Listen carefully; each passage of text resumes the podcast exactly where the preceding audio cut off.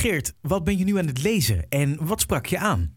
Ik lees Focus aan uit van Mark Tigelaar. En hierin beschrijft hij vier concentratielekken. En dit stuk gaat over het eerste concentratielek.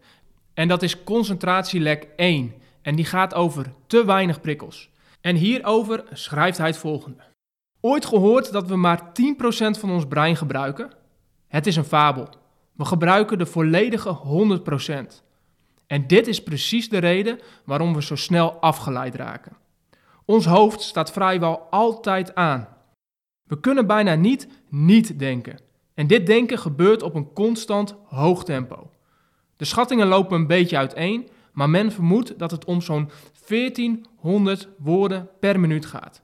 In één minuut kunnen we dus aan zo'n 1400 dingen denken.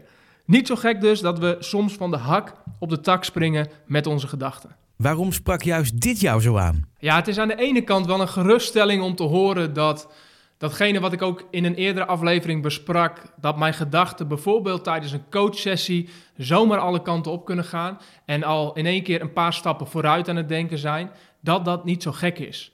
Eigenlijk dat dat heel normaal is. En misschien weet je dat al, maar het is wel fijn om dat als bevestiging te horen.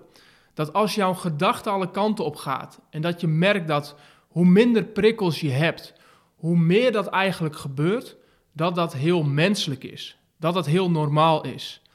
En daarbij betekent dat dus ook dat het weinig zin heeft om je daar heel erg tegen te verzetten.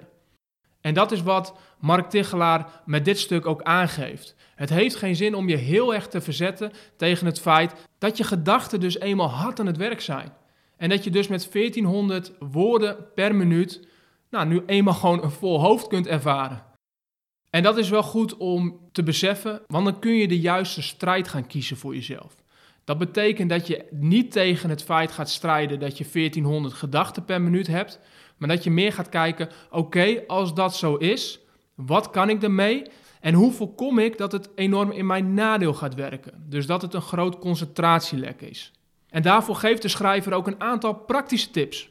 Een van die praktische tips heeft te maken met lezen. En misschien herken je dat wel. Dat je gedachten afdwalen op het moment dat je aan het lezen bent. En dat heeft er dus mee te maken dat je slechts een klein percentage van je hersenen gebruikt om te lezen.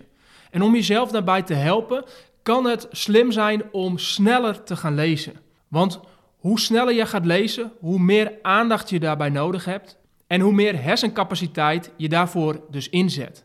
Dus door je leessnelheid te verhogen, zorg je dus dat je het aantal prikkels verhoogt en daarmee dus ook je concentratie verhoogt tijdens het lezen.